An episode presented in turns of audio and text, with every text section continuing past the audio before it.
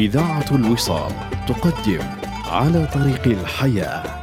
برنامج يومي مع الأستاذ الدكتور مبروك عطية عميد كلية الدراسات الإسلامية بجامعة الأزهر. طوال شهر رمضان المبارك. إنتاج إذاعة الوصال.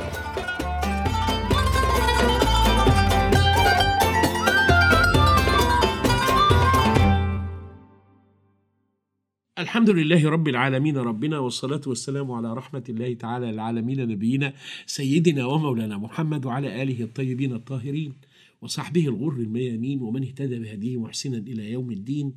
مستمعي إذاعة الوصال لكم من التحية وأسأل الله لي ولكم صلاح البال والحال.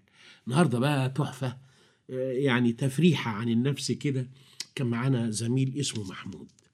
وكنا في معهد منوف الديني يقول آه، الاعمار بينا متفاوتة. يعني أنا كنت عشر سنين في أولى إعدادي باستثناء من شيخ الأزهر لأنه كنت حافظ القران يعني ده أبويا قال المحرات يروح مش زارعين. أنا حفظته أربع مرات أراجعه على يد أربع شيوخ وقصة طويلة جدا. فواحد قال لأبويا اكتب استثناء لشيخ الأزهر لأن كان السن لازم تدخل 11 سنة ويجوز إنك تدخل وعندك 16 فمحمود ده كان أكبر واحد فينا. وكان ولد الله يرحمه بقى ويحسن اليه كان ولد جميل جدا. ومتعاون جدا ومحب لزم- لزملائه جدا. أمه تعمل فطيرتين يجيب فطيرة ووزعها علينا. مش عارف إيه. فجه يوم من الأيام خطب محمود. وطبعا إحنا بقى جايين شباب صغنون في رابعة ثانوي. هنروح الجامعة السنة الجاية كانت الثانوية أربع سنين في الأزهر. فهنروح. الجامعة بقى السنة الجاية إن شاء الله وبتاع فبنبارك له وخطبت آه، آه، منين يا محمود. والعروسة حلوة يا محمود وقعد يقول لنا قمر يا واد وأبوها محترم يا واد وأمها ست الدين يا واد وعزموني على كذا وعلى كذا. لا لا بيضحك عبد الرشيد عيد الله يرحمه الآخر كان زميلي يضحك الحجر إحنا كنا ناس حلوة قوي معرفش الزمن حصل فيه إيه فعبد الرشيد قال له إيه؟ ما تضحكنا معاك. قال له أصل افتكرت حاجة. قال له قول. قال له لا ده كلمة كده. والدنيا بقى كانت طويلة والدنيا فيها تأني ولا إحنا مستربعين ولا ورانا حاجة و... واليوم كان 190 ألف ساعة و... التقى ده والبركة في كل حاجة. أنا جايب القصة دي عشان الكلمة اللي قالها محمود. بيقول أنا عبرت تعبير جديد. فقلنا له هاو إزاي؟ إيه يا أخويا التعبير الجديد اللي أنت عبرته؟ قال قلت لها يعني كلمة كده اتهيالي إنها جديدة. طب سمعنا قال لا هيشوقنا ده يموتنا ولا إيه؟ قال قلت لها دي صدقي ربنا سبحانه وتعالى خلق الناس دي كلها من طين. وخلقك من جاتوه كلنا روحنا للعبارة. وأنا جايبها عشان كده. الإبداع ما هوش هجس. الإبداع ده فطرة وتوفيق من ربنا.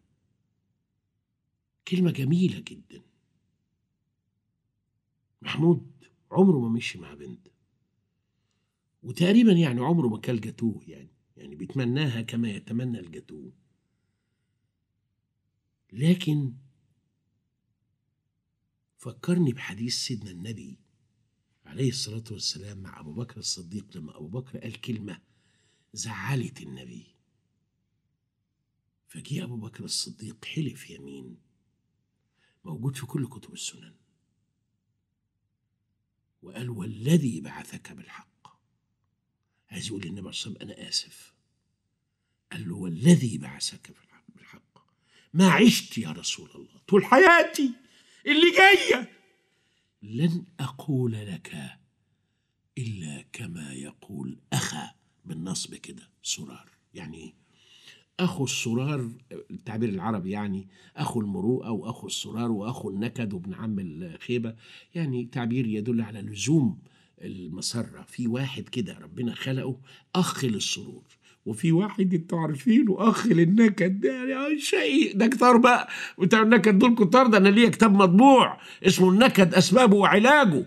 بتوع النكد ملايين يابا. ملايين. إنما بتوع المسرة قليلين. فسيدنا أبو بكر قال للنبي عليه الصلاة والسلام إيه الكلمة اللي ضايقتك مني دي؟ هتخليني أحلف 3000 يمين يا رسول الله والذي بعثك بالحق. لا أقول لك إلا كما يقول أخا سرار يعني لا يمكن أقول لك كلمة إلا الكلمة اللي تدخل المسرة على قلبك. إحنا نقدر نألف كلمة جميلة وأنا أقول لكم على حاجة بعد إذا تسنى لي إن يمكن إذاعة الوصال تقول لي اعمله ولا حاجة فأعمله لكم اللي هو أبعاد لغوية. يعني كلمة يا حبيبي مثلا كلمة قالها البر والفاجر وقالها الصادق والكذاب. طب أنا لو بحبك وأنا صادق وكنت اتلسعت من خمسين ستين كذاب قبل مني هقول لك يا حبيبي تقول لي هق سمعتها. أقول لك يا قلبي تقول لي يا ما قالوا لي يا قلبي. وطلعوا كدابين طب أقول لك إيه؟ الله يخرب بيت ولاد الحرام اللي ما خلوش لولاد الحلال حاجة. فجي مبروك عطية. قال طب ما في أبعاد لغوية. يعني إيه اللي العبارة اللي قالها حوده زميلنا ده عليه رحمة الله. ما هي البت عمرها ما سمعت الكلمة دي لأن كانت في الوقت ده برضو جميلة وكل حاجة والناس برضو مش بيعكسوها. أنا ضد كلمة واحد بيعكس واحدة بيعكسها يعني إيه؟ يعني لو واحد قال لواحدة يا قمر يبقى بيعكسها؟ ده بيمدحها لا إله إلا الله يا رب! ويروح يتجوزها! ويخليه مؤدب ومحترم ولا يضايقهاش إنما يعاكس يعاكس إيه؟ إحنا تعبيراتنا حتى غلط. فالبنت طبعا اللي هي خطيبة حودة زميلنا. أكيد كانوا الفلاحين يا قمر يا منورة لا ده أنت نجفه لا ده يا أختي بسم الله ما شاء الله عليك ده أنت بتشفي وترفي. مفيش جديد. فدخل حودة وقال لها ربنا خلق الناس دي كلها من طين وخلقك من جاتوه. ففضلت تقولها لغاية لما خلف منها أربع رجالة كلهم بقوا دكاترة وبنتين ممتازين ويوم بكته عندما مات قالت هل تذكر يا محمود قولك لي؟ ربنا خلق الناس من طين وخلقني من جاتوه والله ما جاتوه إلا أنت. الله يغفر لك ويرحمك. وحتى يجمعنا لقاء.